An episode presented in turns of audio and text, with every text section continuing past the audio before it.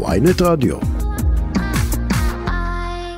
אנחנו רוצים לפתוח אה, את התוכנית שלנו הבוקר עם אה, שר האוצר כמובטח, אה, אביגדור ליברמן, ישראל ביתנו, שלום, בוקר טוב.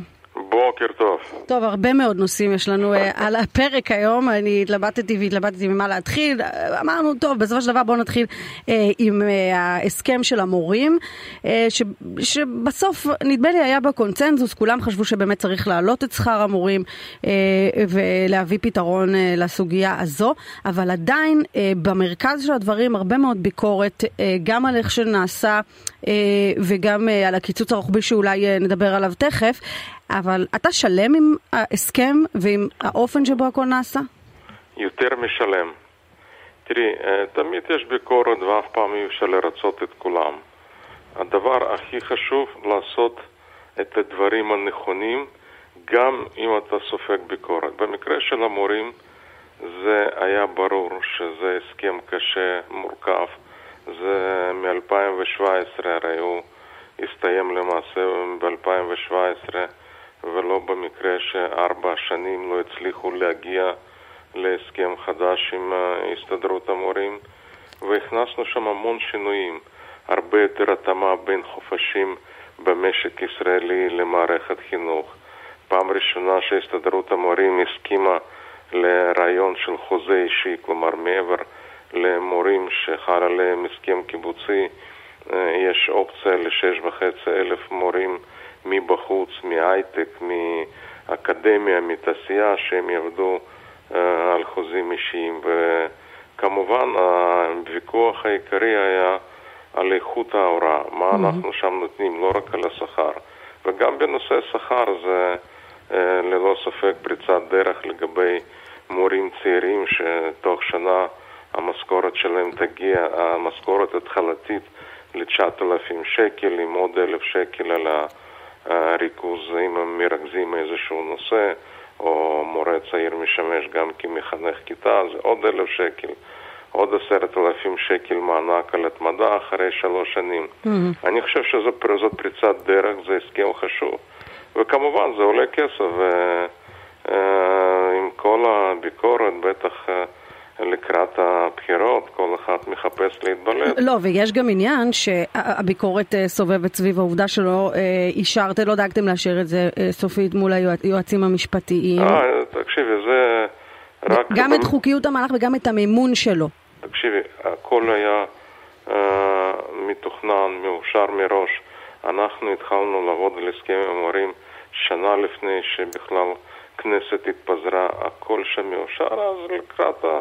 בחירות הכל מתחדד ויש אה, ניסיונות לא יכולים להטיל, אי אפשר לבקר את ההסכם עצמו, אז מתחילים לבקר האם זה כן היה, לא היה. זה, עזבי, זה לא... לא, אבל כשראש אגף התקציבים אה, בסדר, יוצא ש... נגד ההסכם ואומר הוא לא סביר מקצועית, אה, הוא יפגע בפעילויות ליבה.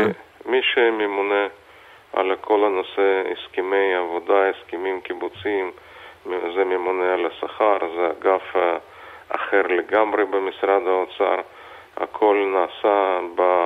או באמת לא בהשתתפות בהובלה של קובי בר נתן, שמגיע לו מילה טובה על כל ה... וכל הצוות שלו. אה, באמת ישבו לילות כימים. אז ראש אגף התקציבים מתערב בעניינים לא לא? תקשיבי, אני אמרתי כשנכנסתי לתפקידי, אמרתי, אני מאוד מעריך, מאוד מכבד את הדרג המקצועי במשרד האוצר, ובמיוחד אגף התקציבים. אני מתכוון לעבוד איתם, אני לא מתכוון לעבוד אצלם. Mm-hmm. ויש הרבה חילוקי דעות. אני חושב שההחלטות שקיבלתי בניגוד לדעתם של אגף התקציבים היו החלטות נכונות, מביטול היטל לעובדים זרים ועד לשורה של הסכמים, גם בנושא הבנייה ושיכון. תראו בחודש נובמבר-דצמבר, בדיוק כמו שהבטחתי, תתחיל ירידה במחירי דיור. Mm. רק אתמול סגרנו הסכם על בניית 1,560 דירות בקצרין, לפני זה אה, על 3,000 יחידות דיור באופקים.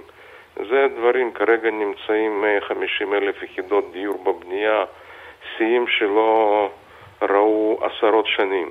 גם בתחום הבנייה, אז גם עם הסכם עם הורים. אז אתה אומר, ראש אגף תקציבים, שמעתי אותך, אני אמשיך להתקדם כרגיל.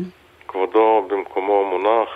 ואגב, אני רוצה לנצל הזדמנות כי אני דווקא הופתעתי לשמוע ביקורת קטלנית על הדרג המקצועי במשרד האוצר, עוד פעם השתלחות בפקידים, אה, דומני ניר ברקת, אה, זה פשוט לא ראוי וזה לא אה, דבר שהוא מקובל כשדרג פוליטי משתלח בדרג מקצועי בעובדי מדינה שלא רשאים לענות וכנראה ניר ברקת מוצא את כל התסכולים שלו מזה שנתניהו הבטיח לו בזמנו למנות אותו לשר האוצר, וכמובן, כמו כל הבטחות של נתניהו, mm-hmm. אז במקום להוציא את התסכול וזעם על נתניהו, הוא מוצא את זה על הדרג מקצועי באוצר, זה פשוט לא ראוי. אגב, איך ישפיע הקיצוץ הרוחבי אה, שאתם נאלצים אה, לעשות עכשיו על שירותים לא של המשרדים האחרים? הוא, הוא לא בריאות, ישפיע. רווחה, דברים שקשורים לחיים של האזרחים. ביטחון. תראו, זה הכל באמת... לא משפיע, זה לא בעצם קיצוץ, הבעיה שאין לנו תקציב. ולכן זה מה שאפשר לקרוא הלוואה עד לאישור התקציב. אנחנו יותר איזה פעולה חשבונאית אה, פורמלית של הקיצוץ כדי להצביע למקור התקציבי, כשמקור התקציבי האמיתי זה היה תקציב 23. מכיוון שלא הספקנו לאשר תקציב 23, הוא לא קיים, אז אנחנו נאלצים מבחינה חשבונאית, אה, אה, מתמטית, לעשות את הקיצוץ הרוחבי. עם אישור התקציב, כל הקיצוץ הרוחבי הזה אה, יחזור למשר... לאותם משרדים, ובכלל צריך להבין שמראשון לינואר יש תקציב המשכי, שזה mm-hmm. באמת אתגר לא פשוט, כי אין לך תקציב מאושר, אתה חי על התקציב הקודם חלקי 12. אתה לא יכול לאשר פרויקטים חדשים, וגם חלקי 12 זה רק אה, על אה, בסיס התקציב. כלומר, בכל מקרה, גם אם לא היינו מקצצים, המשרדים יצטרכו להתכווץ עד לאישור התקציב עצמו. אבל אומרים השרים, גם אה, מרב מיכאלי, גם ניצן הורוביץ ואחרים, לא מוכנים בשום פנים ואופן לקיצוץ תקציבי, גם לא מהסוג שתיארת, ואומרים יש רזרבות, קחו מהרזרבות, בשביל זה... מי, ש... מי שאומר את זה כנראה לא מבין כלום. לא בכלכלה ולא בתקציבים. התקציב במדינת ישראל מתנהל על בסיס חוק התקציב. זה לא ששר האוצר שם אה, מחבר איזשהו נייר ומפזר אותו בין המשרדים. יש חוק התקציב, הוא עובר בשלושה, בשלוש קריאות, כולל חוק ההסדרים. בחוק התקציב אחד הדברים אה, החשובים שמופיע זה מגבלת ההוצאה. יש תקרת ההוצאה, זה לא משנה מה ההכנסות, אתה רשאי להוציא עד סכום מסוים מה שמופיע בתקציב. וכל היתרות, כל הגבייה העודפת היא אה, הולכת לכיסוי של, ה... הכיסוי של החובות mm-hmm. של מדינת ישראל, ואני רק צריך להבין שזה הסעיף הכי גדול בתקציב המדינה. Mm-hmm. אנחנו משלמים בשנה כ-160 מיליארד שקל על החזר חובות. Mm-hmm. רק הריבית זה פחות או יותר כמעט שליש מכל הסכום הזה, רק הריבית. ולכן, ולכן אנחנו פה מתנהלים גם בצורה אחראית. גם זה מפתיע בצורה... אותך שהם מתנגדים לזה והם לא, יכולים לא, לא, זה ברור, מה את מצפה? חמישה ימים לפני בחירות, בטח ששתי מפלגות בלחץ עצום, גם עבודה, גם uh, uh, כמובן מרץ, ועוד פעם מנסים את הגוואלד המסורתי כבר שלהם. Mm-hmm. הכל פוליטי. כרגע, בוא נגיד ככה, הכל משועבד לראשון לנובמבר. תראה, שר האוצר ליברמן, אם כבר אה, באמת נכנסנו לזה, אה, מה יקרה בממשלה הבאה? אתה תסכים לשבת עם אה, חד"ש-תע"ל? חד וחלק לא. חד"ש ותע"ל אין להם מקום בכנסת ישראל. חד"ש ותע"ל אמורים, הם חברים בפרלמנט הישראלי והם אמורים לייצג את אזרחי מדינת ישראל. בפועל הם מייצגים את המחבלים שמנסים לפגוע באזרחי ישראל. ולכן גם, הם גם לא מגדירים את עצמם כישראלים, הם מגדירים את עצמם כפלסטינים. ההנחיות שלהם הם לא מקבלות פה בירושלים, הם מקבלות מ, אה, מרמאללה, ממוקטה. כל פעם אה, נוסעים לאבו מאזן לקבל הנחיות. זה לא דברים שאמרת בעבר, אבל גם על רע"מ? תקשיב, מעולם לא אמרתי את זה על רע"מ, ויש הבדל בין רם לזה, כי רם אמר מנסור עבאס מול המצלמות מדינת ישראל היא מדינה יהודית, היא תישאר מדינה יהודית, אני אזרח ישראלי, אני לא פלסטיני, אני רוצה לשלב את האנשים שלי בחברה הישראלית. תשים לב, הוא לא רק אמר את זה, הוא גם הקפיד לא לנסוע לרמאללה, הוא לא ביקר במוקטה, הוא לא נפגש עם אבו מאזן בניגוד לכמה ראשי מפלגות. זאת אומרת, לדעתך בפן הזה בכל אופן הניסוי הצליח. הגישה שלנו הרבה שנים, בלי נאמנות אין אזרחות, וזה בלי קשר לדת, גזע ומין. בדיוק מה שכתוב במגילת העצמאות. כל מי שאזרח נאמן, לויאלי, לא משנה מה דעותיו הפוליטיות, הוא אזרח. תראה, יש פה, וחשוב לנו לשלב את המיעוטים. תראה, יש לנו הצלחה גדולה עם העדה הדרוזית, שהם באמת חלק אינטגרלי, אנחנו גאים בהם. הם יושבים כבר במטה הכללי, אלופים, טייסים, mm-hmm. בכל היחידות הכי הכי קרביות והכי סודיות, שותפים מלאים. וככה צריך להיות, מי שאזרח נאמן, לויאלי, ברור. לא קשור לדת או לאום. אני רוצה לשאול אותך, אה, השר ליברמן, אה, שר הביטחון בני גנץ צפוי אה, להיפגש היום עם ארדואן להידוק היחסים הביטחוניים, נגדיר את זה ככה. זו גישה שאתה חושב שהיא נחוצה? אני לא יודע מה השיקולים ומה... הנושאים, לא מעדכן אותי, שר הביטחון לא מעדכן אותי לפגישות שלו. אבל דעתך על, על ארדואן מאוד מגובשת, בעבר אפילו כינית אותו גבלס. שגם, כן, אני חושב שגם כנראה ארדואן אה, הבין שעשה טעויות חמורות. הוא עשה סיבוב פרסה גדול מאוד אה, מכל, מכל העברו, מכל ההצהרות, מכל האמירות שלו, וטוב שהוא הבין את זה. ו... סך הכל אנחנו לא uh, פה מחפשים uh, ידידות אמת, יש פה אינטרסים, והוא כנראה הבין שהאינטרסים שלו נמצאים במקום אחר ולא איפה שהוא חיפש אותם. אתה סומך עליו אבל שהוא יודע לפעול נגד הטרור? קודם כל אני מתייחס תמיד לעובדות. Mm-hmm. מה שדעתי לא חשובה. אגב, יש לי עצה בשבילך ובשביל... קובי, אה, אל תאמינו לפוליטיקאים, בטח אל תאמינו לפוליטיקאים לפני בחירות. ואפילו לא לאביגדור ליברמן. זה, זה כבר גיבשנו בעצמנו, אנחנו, כן. אנחנו יודעים לא לעשות את זה. כן, אז קחו את העובדות, היו פה כמה פעולות והיו כמה uh, סיכולים יפים בטורקיה, באיסטנבול, mm-hmm. בשיתוף פעולה עם uh, זרועות הביטחון הטורקיים. לפחות מה שראינו בשנה האחרונה, היו שם כמה באמת... Uh, שיתופי פעולה במאבק בטרור שהוכיחו את עצמם. אלו הם עובדות, הפרשנות אני משאיר לכם. רגע, השר ליברמן, שאלה אה, אחרונה לדעתי, כי זה מה שמשאיר הזמן, איך תהיה ממשלה לא, אל תתחייב על אחרונה, יש לי עוד משהו, רגע. איך תהיה לכם ממשלה בלי חד"ש-תע"ל? תראה, לא רק בלי חד"ש-תע"ל, גם בלי ש"ס ויהדות התורה, כי אם יש משהו שאני חושב אה, שר הביטחון טועה, וגם ראש ממשלה לפיד, וקראתי בעיון רב את הרעיונות שלהם גם לכיכר השבת, גם לישראל היום. מי שבונה על הקואליציה... כן, מצד החרדים בכל, בכל אופן זה, זה גם הדדי.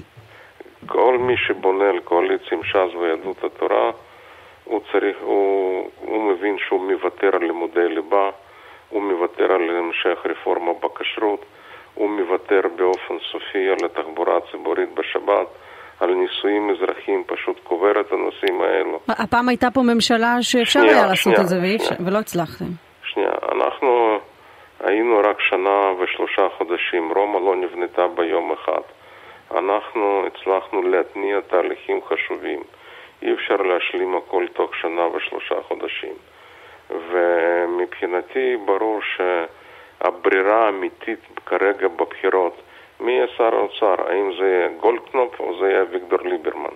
האם כסף ילך לישיבות או שהוא ילך להייטק, למדע, למחקר ופיתוח? האם כסף ילך אה, לקצבאות או שהוא ילך לחיילי צה"ל? זה אלטרנטיבות. אנחנו, תראי, אני מאוד בעד יהדות, אני נגד uh, מדינת הלכה. לי יש לא מעט uh, רבנים שאני נמצא בקשר איתם, אנשים משכילים, חשובים, אה, אה, באמת פרגמטיים. כשאני mm-hmm. שומע שמנהיג מפלגה אומר שהאברכים בישיבות עובדים יותר קשה מחיילים קרביים שנמצאים בחזית, ולכן מגיע להם כל הזכויות של החיילים הקרביים. וקשה ללמוד ש... תורה. או, ש... או שאנגלית ומתמטיקה לא תורמים לכלכלה, זה טירוף מוחלט. מי שרוצה את האיש הזה בתור שר האוצר, mm-hmm. שבאמת ילך עם הגישה הזאת, עם ה... אני גם חוזר ואומר... אבל אתה יודע, הרבה מאוד שנים הלכתי איתם יד ביד. מה? הרבה מאוד שנים הלכתי איתם יד ביד. נכון, מה קרה בארבע שנים האחרונות? תראה, אין מישהו יותר ממני שניסה באמת לשכנע ולשנות דברים. אין מישהו יותר ממני שישב עם כל הרבנים ועם כל המנהיגים הפוליטיים. בסוף, הם, בסופו של דבר, כשהגיע באמת שעת שין, הם פשוט רימו, חזרו בהם. אני יכול לדבר איתך על אותו חוק גיוס בני ישיבות שסיכמנו, העברתי אותו בקריאה הראשונה כשר הביטחון, ואחר כך הם חזרו בהם. אני יכול לדבר על ועדת ניסים, אותה ועדה בנושא גיור, mm-hmm. והתחייבנו גם בזמנו ליצמן וגם אני לקבל ולכבד את המסקנות של ועדת ניסים, וקשה להאשים משה ניסים, את משה ניסים שהוא נגד הדת או שהוא לא מבין במקורות. אותו דבר אפשר לדבר על אותה, אותו מתווה הכותל שכבר אושר בממשלה.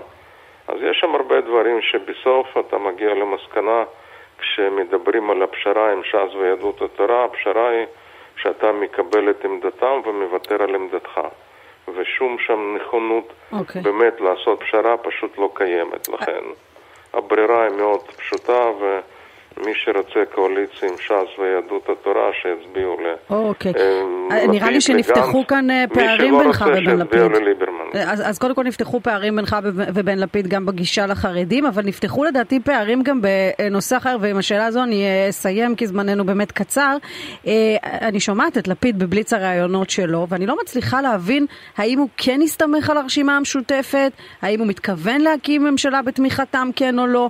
אה, אם הוא הולך למהלך הזה, אתה בחוץ, או שאתה... אני אמרתי, אני לא פרשן לענייני לפיד, אני מאוד מכבד את האיש, הוא ראש ממשלה. בסוף אין לו שותפים טבעיים אם אתה לא איתו. כן, אני בטח לא אהיה עם הרשימה המשותפת. גם לא מבחוץ? אני לא אהיה לא מבחוץ, לא מלמעלה ולא מלמטה. אני ראיתי את גנץ שהוא הוציא סרטון, הוא בנה לקואליציה גם עם משותפת, גם עם אה, ש"ס, גם עם יהדות התורה. אה, ירצו, אז אה, ברור לי מראש שבמקרה כזה הם מוותרים על ישראל ביתנו, זכותם, ואני לפחות, עמדתי מאוד ברורה, דיברתם בתחילת השידור, כן. שלמפלגות אין אסטרטגיה, אסטרטגיה, הם מתבלבלים, הם מתפתלים, מזגזגים, אני לא מזגזג, לא מתפתל, אף אחד לא יכול להגיד okay. אוקיי. שראה אותי אה, לכיוון שלא הודעתי עליו מראש. Mm-hmm. לא, זאת מפלגה שיודעת לא למצמץ, אלא ללכת בדרך ברור. מאוד ברורה. שר האוצר אביגדור ליברמן, ישראל ביתנו, תודה רבה שדיברת איתנו, בוקר, בוקר טוב. טוב.